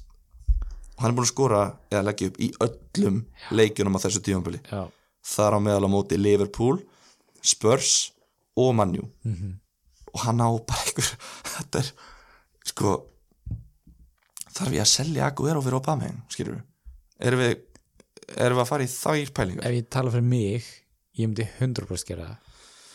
Bara af því að sérstaklega að, veist, líka bara skiptir eiginlega ekki máli þó að laga sett komið tilbaka. Og Bamjang er alltaf að fara að vera í liðinu. Já, og hvort sem hann spila frammi eða á kantinum, hann skora alltaf mörg hann gerir alltaf eitthvað. Mér finnst hann samt bara eitt mark í leik alltaf. Mm. góðu leikur í honum er tvö mörg skilur mér finnst, mér finnst, ég, ég man ekki eftir að hann hafa skorað þrennu eða lagt upp tvö mörg og skorað eitt eða eitthvað svona. En ég meina er ekki Aguero bara svipum stað? Ég meina, hann er ekki búin að vera setja einhvern bunga af stigum þú veist ég meina, í 8-0 leik þá er hann ekki búin að setja bunga af stigum? Ég meina, hérna ég er ekki með þetta fyrir frammi veist, já, í einni umferð. Í einni já, umferð, já, hann er með skilurðu. 13 Hann og er- 16 hérna. Já, hann er með jú, uh, ok það var tvö mörg og stóðsendingu mjög vel gert, sko. Af því að hann getur hann getur skorað þrennu á í einum hálfleik. Já, auðveldlega. Já, já, og hann getur búið til mörg ábæða hann getur alveg búið til mörg. Mhm. en ég, að, þú, þú skilir hvað ég meina. En þetta er eitthvað pæling sem Einmitt. við tökum, tökum næst. Ef við að fara í spurningar. Já. Fengum hérna mikið af spurningum í gegnum Instagramið okkar. Uh, það var mikið af spurningu núna. Já. tók eftir því. Já. ég er ekki búin að skoða þetta en ég sá bara að það var mikið af spurningum. Uh, helsti Jamie Vardy maður landsins Pálmi Trausti vildi að við tölum um hvað Vardy og öll program eftir Liverpool-leikin það er eins og við erum búin að tækla það og bara er virðing á Pálma Já. fyrir hérna að lesa leikin hraðar en, en flestir Já uh, Er komin tími til að selja Pukki cash out og taka til dæmis Wilson inn sko, ég, mér finnst ég bara búin að tala ég, ég er búin að vera með sömur skoðan Pukki síðan bara since day one sko. Já. mér langar að heyra þig svara þessari spurningu Ég ætla að segja fyrir mig uh, ég ætla að gefa Pukki eitt sens í viðbót uh, hann er ekki hann er held ég ekki nálagt í að lækka eitthvað svakalega í verði. Ég tók hann inn á 6,7 eða 6,8 það er svona það er líka þú veist ég er ekkert eitthvað já, allavega eins og staðinu núna þá er, þarf hann ennþá að vera seldur 47.000 sinnum til lækki verði. Og keiftur núlsinum þá á móti? Já, þannig að já, og þeir eru aðstofn vilja heima. Já þeir eiga Aston Villa heima uh, sagan segir okkur það að þeir Norvit skorar meira í heimaleikjunum heldur en útileikjunum. Og Pukki líka, hann er Já. bara búin að skora á Anfield. Hann, já, sem já, eina útivelli. Og, allt hitt hefur komið á heima já, já, þannig að ef, ef þú ætlar að selja eitthvað leikmann ef þú ætlar að, ef þú ert með sóknamann sem þú ert með mm, og hann er að keppa heima á móti Aston Villa mm. Ég held að það sé ekki sniðut að selja hann sko. Neini fyrir utan það að ég er búin að gera þú veist, tvær breytingar og allt það ég, veist, ég ekki, en þú veist ég myndi alvarlega íhuga að selja búki og þú veist, það fer bara eftir í hvað fólk er hérna misæsti að taka nýja leikmenn sko. Já. En það er samt alveg erfið, þú veist, horfir sko, þeir eru Aston Villa, svo er Bornmoth á útivelli, þeir skora á móti Bornmoth, þeir Bornmoth fær á sem mörg, svo eiga þeir mannjú heima, þú veist, svo er Brighton á útivelli, svo er Watford, þeir eru með gott prógram, ég var ekki búin að taka þetta þessu. já. Ég, ég meina sko mér finnst þeir bara samt veist, þeir eru búin að klikka á því að skora á móti vestam Þeir sem eru að búin voru þettir og heldur henni Já, þrjáleiki þeir eru röð. búin að klikka skora á móti Burnley og klikka á móti Kristapalas sko, ég get ekki farið að láta Pukki heyra það of mikið fyrir að ná ekki að skora á, á mína menn Asli Barnes og Chris Wood því miður. En hérna og, og, og líka minn maður Nick Pope.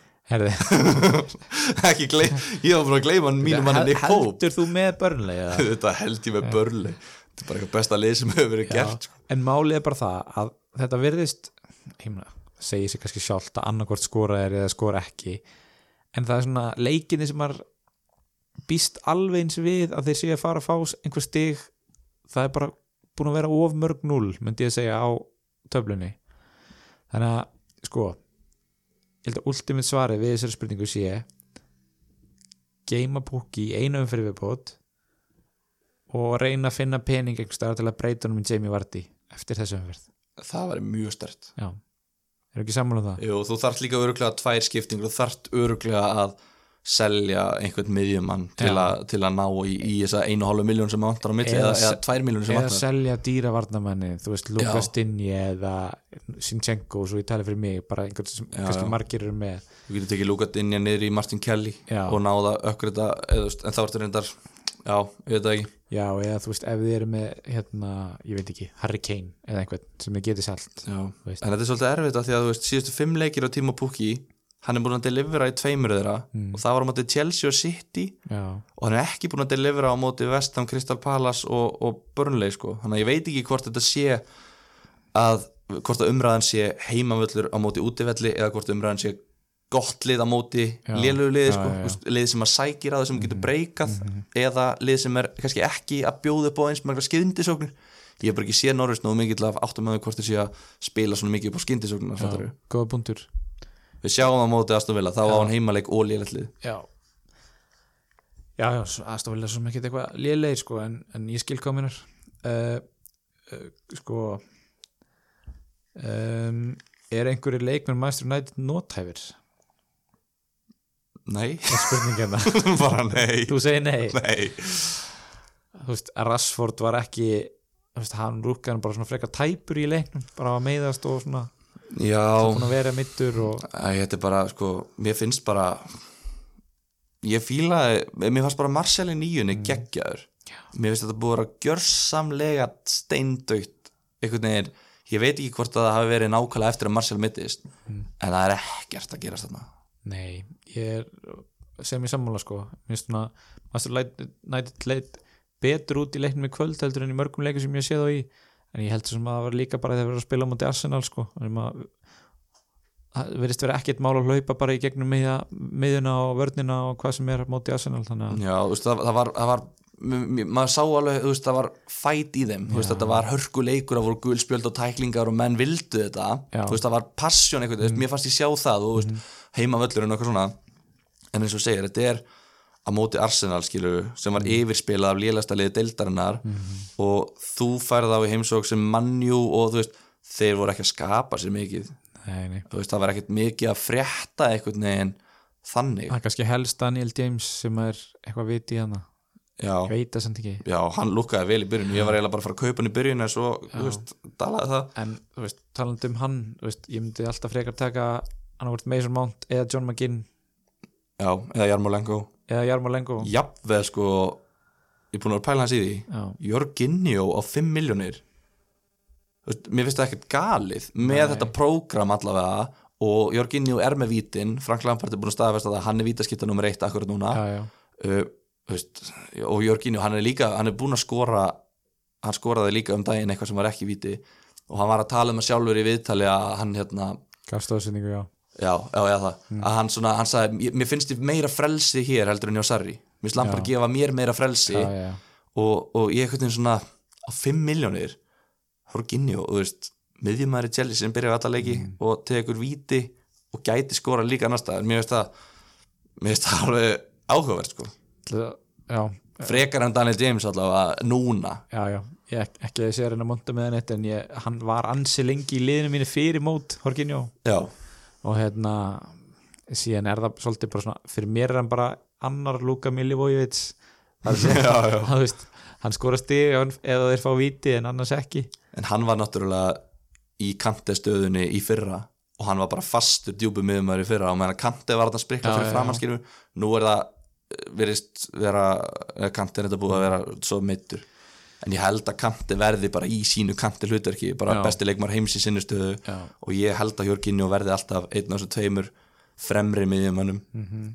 þannig að þetta er eitthvað til að pæla í en ekkert eitthvað stórt aðriði svo sem en, en ég á eftir að monta mig ef að ef að hérna nei, ef að Jorginjó skorar en ekki Tami Abraham og Mason Mount í næsta leik verða við ekki það já, já.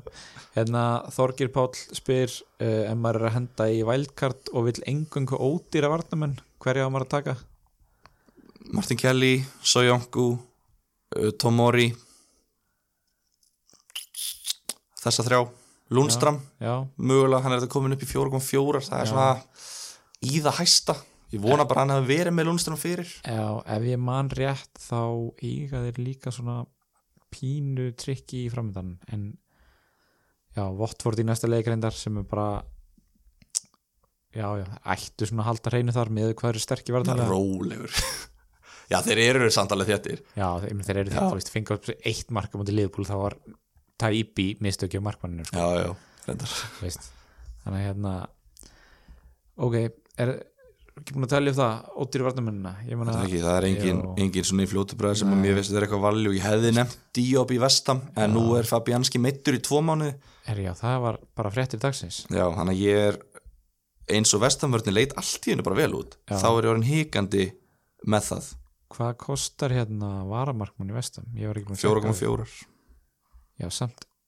Alveg það. Já, ég kíkti á þetta og ég hugsaði, ú, ef hann var fjórar. Já, en ekki það, ég hefði aldrei eitt skiptingunni minni í varamarkmanna því að ég hef með svo ótrúlega stór vantabál í liðinu mínu. já, já, en hérna 4,4, nei, ég held að við getum ekki verið að horfa á það. Nei. Að, það, það er bara ef þið, ef þið vantar 0,1 þú veist, ef þið átt ekki efni á 4,5 markmanni já.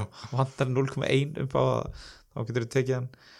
Uh, hérna kemur spurning uh, ertu ekki frekar ömulegur í fantasy að ert með Orier og Hayden í start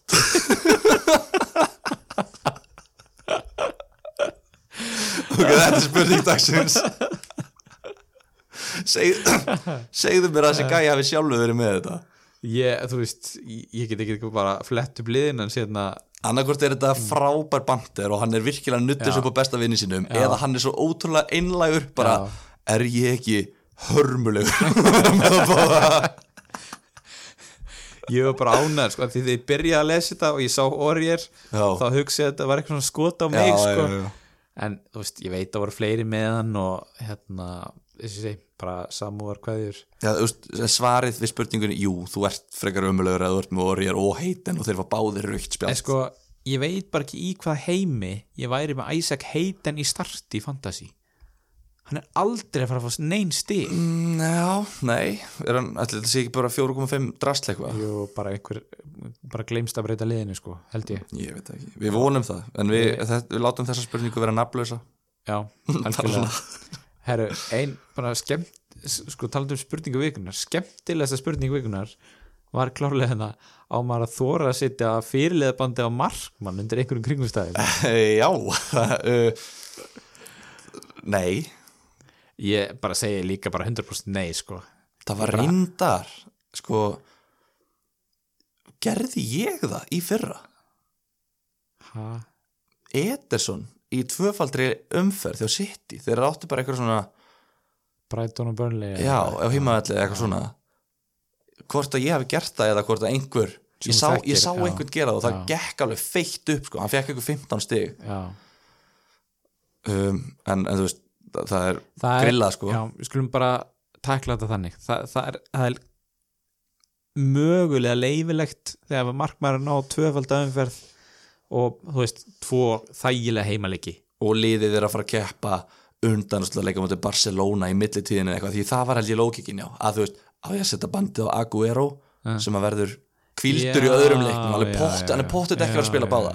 eini sem er að fara að spila báða er Laporte og Ederson. Já. það voru einu gæðinir fyrir sem við vissum. þannig að það var kannski lókikin en, en hérna nei, þú veist, þú, þú setur ekki hérna, þú setur ekki bandið á Ederson núna á móti Vúls á heimaðu í næstu já, ferð. já, ég ætla rétt að vona ekki.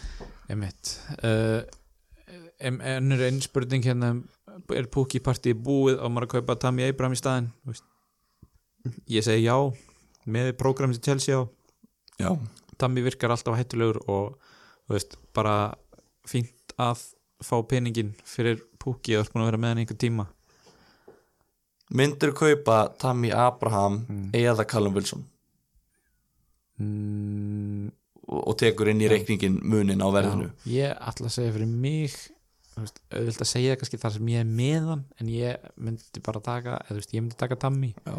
þetta er líka svona þannig leikmar að það er þú veist, dýruleikmur þetta, maður vill ekki vera mikið að rótira dýruleikmunum mm. að þeir munu delivera, þú veist bara ekki hvenar þú vilt hafa þá alltaf. Já, hún nennir ekki að vera mikið að, ég nenn ekki að vera að selja Martin Kelly fyrir Ríko í Bornmoth á fjórar. Já. þetta er svona akkurat fattar verðbili sem þú vilt veist, sem þú mátt við því að hræra mikið þú veist, svona 7-8 miljónir taka Tammy núna uh, í sexleiki og þá er kannski Callum Wilson að fara í geggjaprógram Mhm. eða bara kannski púki aftur eða þú ert ekki með of mikið valjú byggt upp í honum. Mhm. veit það ekki, Emitt, en hérna, ert þú með eitthvað? er ég með eitthvað Er maður einhverja spurningar eða eitthvað, eitthvað skemmtilegt? ég fikk ekkert engin SMS sko, við erum bara með sama, sama Instagram reikning sko, þannig ef, ef ég sé hana þá sér þú hana. Herðu, förum í gegnum hérna Facebookið. Sko það Já, er, við erum líka Facebook. Já, Við erum svolítið á Instagram og Facebook er það sem fantabröð sem fantabröð Ok, ég vissi það nefnilega ekki. Það er ekki erfitt að, finna okkur á ekki að vera það allavega. Eh, Sko, það er hérna spurning Er þess virði að losa sig við Sala og Greenwood fyrir Mount og Abraham? Er ekki með neina tjálsíman eins og er? Þessi er erfið. Ég að segja já. Ég, af því að þú ert að breyta einum, reyndar einum þú veist, topp þrýr besta leikmanni leiksins mm í tvo já, já. Já, ég skilði þið sko, ég er sammála það, þú færði ekkit út úr Greenwood. Ég ætla bara að segja það hér nú allavega ekki búið að vera hinga til. Þú getur aldrei verið við sem hann byrji og hann verðist ekkit vera að gera það. Ef þeir senda fram frekar verðist vera hálf meittan Rashford inn á heldur en að starta Greenwood. Já, já. Uh, já, Ég held að áleikunum sé bara að passa veist, að, að reyna að gefa hann um tækifæri þegar hann veist, getur tekið Já, fattur, ég held að sé bara, bara- fara varlega já, með hann sko. já, Þú veist, já. ég held að, að hann hafi trú á hann og ég get alveg síðan fá mínútur setna en, en Mm. ég er svo sem, ég seldi Greenwood sjálfur. Uh, Vá, ég bara veit ekki. Ég verð að segja þessi er erfið. Já, hún er erfið. Uh, Ari Egilson segir þetta skipti Van Dijk út fyrir orðir til að fjármenn að kaupa Abraham. Þú veist, vitum hvernig það fór. Veist, þetta er bara mjög nálagt bara sveiflunni sem ég tók. Og þú veist, ég segi bara aftur samúð og kveðjur þú veist, bara hengi inn þér. Við lendum augum Já, öll okkar slæmi daga. Og hann ætlar að taka Orri út fyrir Tom Orri bara strax. Já. þannig hann er raunin að gera eina skiptingu en eigða tveimur skiptingum í það sem er, sem er skellur. Sem er von En- en ég er alveg þarna líka. Þú veist, ég geri frekar breytingar og þú veist, veist tek mínus fjögur og líður þá vel með það frekar en að vera hafa ekkert leikmenn í liðinu mínu sem ég þarf að þú veist, ef maður skoða liðið sitt á hverjum degi eins og við Já, já. svona veikir í þessu þú veist, að vera að horfa ekkert leikmenn í liðinu sem er bara, "Ó, þú þú aftur. Bara það er, það er vill sko. losna við og nennir ekki að hafa og er bara einhvern veginn svona þú veist, já, Já. þetta er basl maður. Maður nennir ekki að hafa hann sko Tómas segir hérna ég kasta inn hvíta handklæðinu, gengur ekkit upp. Tómas ekki gera það. Vertu sterkur. Þetta er bara leikur eftir allt saman, hvernig getur uppeppa hann? Þetta er bara leikur, er það ekki? Veist, þetta er, þú, Þú mynd, veist- þú mynd eiga góða umferð. Já, bara þú veist, við erum þólimóðir og þú veist, þetta að jafnvægið að jafnvægið þar hún í veist, ef að, já, bara ef þú ert ekki búin með wildcard bara taktu það í landsleikja hliðinu leiktu þér að því í tvær vikur að breyta liðinu. Já. Ég, ég nota rosalega mikið, ég veit ekki hvort ég hef sagt þetta áður einna, en ég nota rosalega mikið sko að ég hugsa og ég er ekki sett út á eitthvað, aðra, eitthvað aðra skilur sem hugsa ekki þannig. Já. ég er kannski meira að lýsa bara hvað ég er einhverfur skilur að ég er alveg hérna, ef, er, ef mér líður illa í, með liðið mitt og er bara veist, að Tómas trúðu mér. Ég hef ætlað að gefast upp sko. Ég hef ætlað bara að flýja land og bara, bara sviðsetja einn dauða bara til að, til að komast úr þessu podcasti. Að ég hugsa, ég nota, ég reynir bara að nota ok, þú veist, að maður þarf að gangi gegnum erfiðleika í lífinu. Já, og ef ég get ekki gengið gegnum erfiðleika í fantasy já. þá verður helviti erfitt þegar að, þú veist, það gerist eitthvað í vond, raunverulega lífi þegar ég missi höndina mína já, eða eitthvað skilur, bara, veist það verður helviti vond ef ég Já. tekla það ekki. Nákvæmlega. þannig ég reynir, veist, en svo er það svo ógislega heimskulegt líka af því að veist, þetta er eitthvað sem þú getur bara að labba frá af hverju ættir að taka á því eitthvað hérna, sjálfspyntingu Já, skilur, já. þú getur ekkert sleppti að missa höndin ef þú missir hana. Þá ertu bara búin að missa hana. Ég hérna get sem ég skili fólk sem að kannski e- átti eina geggjað umferð það sem að ver þú veist, var bara með hundrað og eitthvað stig já, og síðan hefur ekkert gengið upp síðan. Ég get sem ég skili að vera bara er, ég nenni sér lengur sko. já, en það, bara það sem ég er ekki búin að eiga yfir 100 stigum fyrir þá ætla ég að halda þess áfram og, já, já. og hérna, það var nú líka svolítið leðilt podcast að hittast hérna og var ekki að taka þátt í leiknum. Já, ég er ennþá tölfræðilegum séns á hérna á að ná mínu markmiði. Já, þannig að ég held áfram að reyna að vinna leikin yes. yes, ok það er ekki tölfræðilega útlokka gangið vel herðu, hérna förum bara í næstu umferð já, tengis kannski þessari síðustu spurningu hvernig á kaftina næst Já. var með Big Tam, Kevin De Bruyne hvernig er þú með þessi fyrirlega í næstu umferð? uh, þú varst að enda við að segja namnið þess, það er Kevin De Bruyne það er Kevin De Bruyne já, þú veist, ég held að það verði alltaf sitt í leikmaður þeir eiga Wolves heima. Úlfana. Úlfana sjálfa. Uh, heimaleikindin á City eru bara ansi gómsættir mm -hmm. uh, ég held við séum að tala um fjögur eða fimm mörg frá City hana var að fyrirlega bandið á Sala, ekki Störling sko síðan fyrir þetta bara, það er eiginlega voru að líta marka hvernig maður velur núna af því það er mestradild í vikunni. Já, og þetta fer bara algjörlega eftir því hverjir spila þar Já, og hverjir já. kvíla allavega hjá City. Ég meina, sem er ekkit, liðbúl, þú veist alltaf lið það er þessi þrjá fremstu allavega sem, að, sem maður er að fókusa á í fantasy. Þú veist alltaf að þeir spila. Þannig að þú þarft ekki að pæla í sig þar. En hjá City er þetta erfiðara sko. Guardiola kvildi De Bruyne eftir síðustu landsleiki. Mm, jú. Hann að það Í slátraði tveimur landsleikum og svo var hann kvildur eftir það þú veist, ef að, ef að De Bruyne er að fara í meistaradeild núna og tvo hérna, landsleiki þar sem hann spila 90 mínútur fyrir Belgíu vitað Mhm. þú veist, ég hef alveg heyrt ólíklega hlutin að Guardiola hugsi ok, þú veist, þá ætla ég að dempa þess álægið á já. og taka hann kannski út af eftir 60 mínútur eða eitthvað og meðan að Störling getur spila 90 mínútur tvisar í viku af því hann er bara yngri og ferskari og, Já, og já. léttari leikmaður og ekki með meðslasögunast De Bruyne. Í raunur á ég segir hvað ég vona að gerist. De Bruyne skora 5 Nei, sko, með, ég ætla að segja bara þú veist, ég vona bara að Störling verði kvildur í meistarateldinni já. og þá myndi ég hafa sjálfströst í að setja bara bandi á hann. Mynd, já, þú myndir ég myndi bara breyta, skilur því ég er bara að fara að kafta en leikmanni sem er kvildur í meistarateldinni af því að það er þá miklu líklega að spili í deildinni. Já, þannig þú vilt frekar þú ert frekar að sækja eftir trygginguna á 90 mínútum heldur en, þú veist, eins og, eins og formið á De Bruyne er betra heldur en formið á Störling svona í síðustu 2-3 leikim Já, ég meina, þú veist ekki það, ég þegar þetta bróinu kom inn sem varafélið hjá mér þú veist, þá skila það mér náttúrulega 34 stigum mm -hmm. sem var æðislegt en það er ekki að treysta það í hverri einustu viku að varaféliðin kikki inn. Nei, nei. Þannig að hérna, að ég meina hver veit kannski enda ég bara að gera eitthvað sturlað og setja bandið á púki. Nei, þú ert ekki að fara að gera það. Akkur ekki?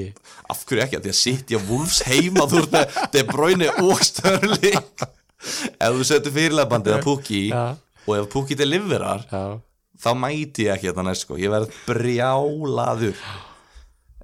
Ó, já en tala bara en þú, hvernig ætlar að setja í sem fyrirlega Ég er með Aguero. Já, Ég ákvað það bara um leið og ég sá að Aguero var á bekknum þá var ég bara ok það er bara jákvæð við þetta er að hann verið fyrirlega mér í næsta leik. Já, þú varst náttúrulega með hann sem kafti núna síðast líka Já, já, uh, já, bara 100% Aguero hann hefur náttúrulega búin að skila stigum í öllum leikjum og bara, þú veist, talandi um þakki hans þakki hans er rosalega hátt, Já, eins og þeirra allra reyndar, Já. Störling og De Bruyne líka geta, allir þessi leikmenn geta fengið 20 stig. Já, já, ég er bara, þú veist, ég veit það ekki þú veist, Aguero, ég horfði á highlights, einhver 20 mínúta highlights og Watford leikma því að svo mikið. Og Aguero fekk fullt af döðafærum já, og, veist, og hann nýti færin sinni vel þannig að ég, ég held og veist, hann var mittur og spila ekki og Gabriel Jesus spilaði síðasta leik og skoraði og eitthvað svona ég held í alvöru nagur og skori þrennu í næsta leik og ég er bara með eitthvað, þetta er bara eitthvað tilfinning mér finnst eitthvað þeim meika meira sens af þetta bráni mm. en ég er með tilfinningu fyrir Aguero og mér líður líka eins og þú veist, þetta er smá svona ég held að sé færri með Aguero sem fyrirlega heldur um þetta bráni, mm. hann þetta er smá að því ég er búin að eiga svo fokking hörmulega hörmulega tímabil bara Já. að ég er smá að reyna að, að vinna upp eitthvað aðeins með því að hafa Aguero já, eða svipu hugmynd og, og síðast að hafa Aguero á móti Everton en ekki til bráni en hérna, ég, ég vona að skilja mér að, að ég fá velun fyrir það núna að, að halda bara sama, ég er bara með nákvæmlega sama liði næstu já, enga breytingar enga skiptingar. Lundstram á bekknum, mér langar að ná hann inn á ég er alveg að pæla Lundstram á útivöldum móti Watford eða Gilvi á útivöldum móti Burnley. Ég er alveg að velta því fyrir mér Já, sko, já. en, en ég, ég held ég verða að taka Gilva sko, já. Ég sé bara til. Ég ætla ekki að segja til, ég er ekki með að báða þannig að ég, þetta er ekki búið að vera pæling á mínu borði. En Eh. við erum báðir með lið sem ætlar að hafa Adrian á bekknum. Vist það, ég var búin að stilla upp liðinu. Ég er í alveg að pæli að vera með Matti Ræjan á markinu. Heima á Tottenham. já, en ekki Adrian í Liverpool? Já. það er svoleiðis. Það er stórt. Mm Alla, ég er, þú veist, ég er að pæli ég er ekki að segja Já, þetta nei, en- nei, nei, endi svona. nei. skilur þú veist, það bara en ef maður hugsa bara, þú veist hann er að fara að fá skota á sig. Ryan, já, já, það er vörslupunktana vörslupunktana uh, þú veist ég veit ekki. Hann, þú veist, Brighton hefur mér fundist ekkert eitthvað ræðilegir varnarlega. Nei, það er bara hérna, sitt í leikurinn sem fengi á sig fjögur mörg og ég með það er algjörlega fyrirgefanlegt og þú veist ég veit ekki. Ég, nei, nei það, ég, það, ég er svona tilfinningu fyrir þessu. Já, ok, og, stundum fær maður bara svona tilfinningu. og ég meina ég- þarna er alveg bara stort sokkapar sem að ég mun þurfa að geta sko. Já, já, en þú veist, ég meina það, það, maður þarf ekki alltaf að taka hérna ákvarðanir sem eru beint eftir mér finnst bókinni líka bara Adrian heima mútið Lester einhvern veginn svona veist, er það eitthvað safe? Veist, með formið á Vorti og liðin sem vann 5-0 um helgina sko. já, Lester, þeir eru bara drullu góðir. Já, þetta er bara ógislega gott lið. Þannig að, já, en svona samt þú veist, fyrir utan Lester þá er einhvern veginn bæði liðin okkar eru, er, þú og bara stóru liðin er ekki að keppa innbyrðis.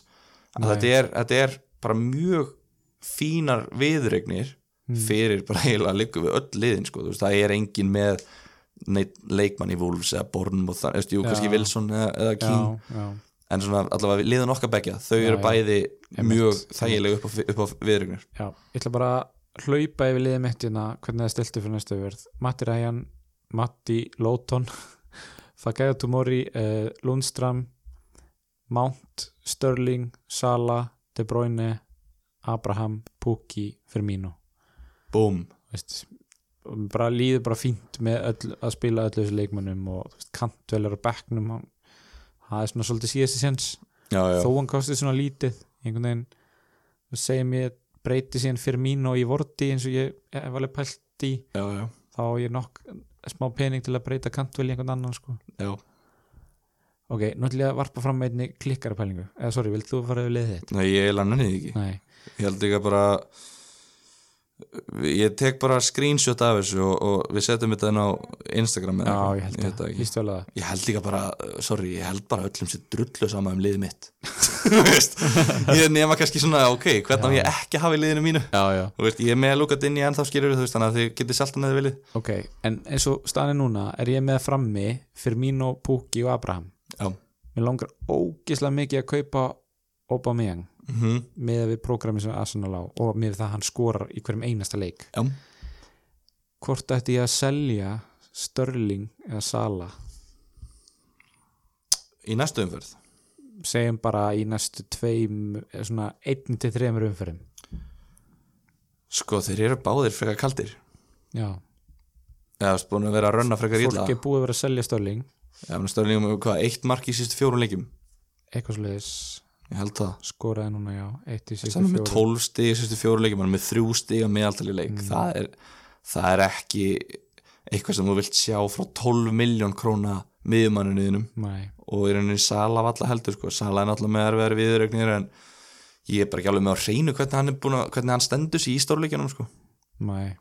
en hann er með hvað, þetta eru 12 23 stig í sístu fjórum sem sagan hans síðustu tvö tímbili nánast búin að vera bara að skora á móti hverjum sem er. Ég meina Sala er með tvöfalt fleiri stig í síðustu fjórum leikjum heldur en Störling já, já, Sala með 60 að meðaltæri Störling með, er með þrjú.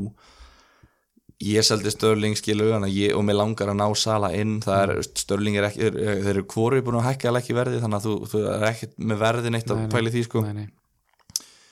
Úf, maður, ég veit ekki, jú, kannski myndi ég nei, til að uppgreita fyrir mínu, segir Nei, í, í rauninu var sko, þá að myndi ég líklega breyta Pukki í Aubameyang. Já, þá myndi ég örgulega að selja Sala því þá varstu með fyrir mínu til að kofvera Liverpool. Já, já. Veist, ég myndi örgulega gera það sko. Mm að því að þú veist, mér finnst lámark að vera með Störling, De Bruyne, Aguero lámark tvo af þessum þreymur já, að því þið sitt í bara, þið drepa bara anstæðingar, þeir bara, þeir eru svo góðir. Emitt sitt hvað eru góðir. Emitt en já sjáum hvað þú munt segja eftir hérna eftir næstu verð já. Hérna, erum við ekki góður í byli jú, sjónvastaskráin er ekkert svakalega góð í næstum fyrir það eru þrýr leikir á sama tíma á sunnundaginn já, eins og ég segi, enska úrvarsleitin vill ekki vera að sína manni góðu leikina. Nei, nei en það er svo sem nei, nei, sjáum bara til, djúvel Já, og gott að koma aftur með er það ekki? jú, þetta var þetta, ah, ég er svona þetta var þægilegt, gaman. þetta aftur í hennan gamla góða randið Já, þetta var ekki eins og það mikið rænt og ég hef, svo, ég hef svo mikla trú á næstu umferð. Ég er, ég er vissum að ég mun koma all- í næstu umferð með svona uh, 85 stig. Ég fæ svona 85 stig í næstu umferð. á þessari bjartsýnis bombu er þessum þætti lokið. Já. takk fyrir að hlusta, finnið okkur á samfélagsmiðlum og við heyrumst í næsta knúsi, knúsið Aron eða sjáu hann á, á förnum vegi. Já, bara sjáum til takk og bless Bless.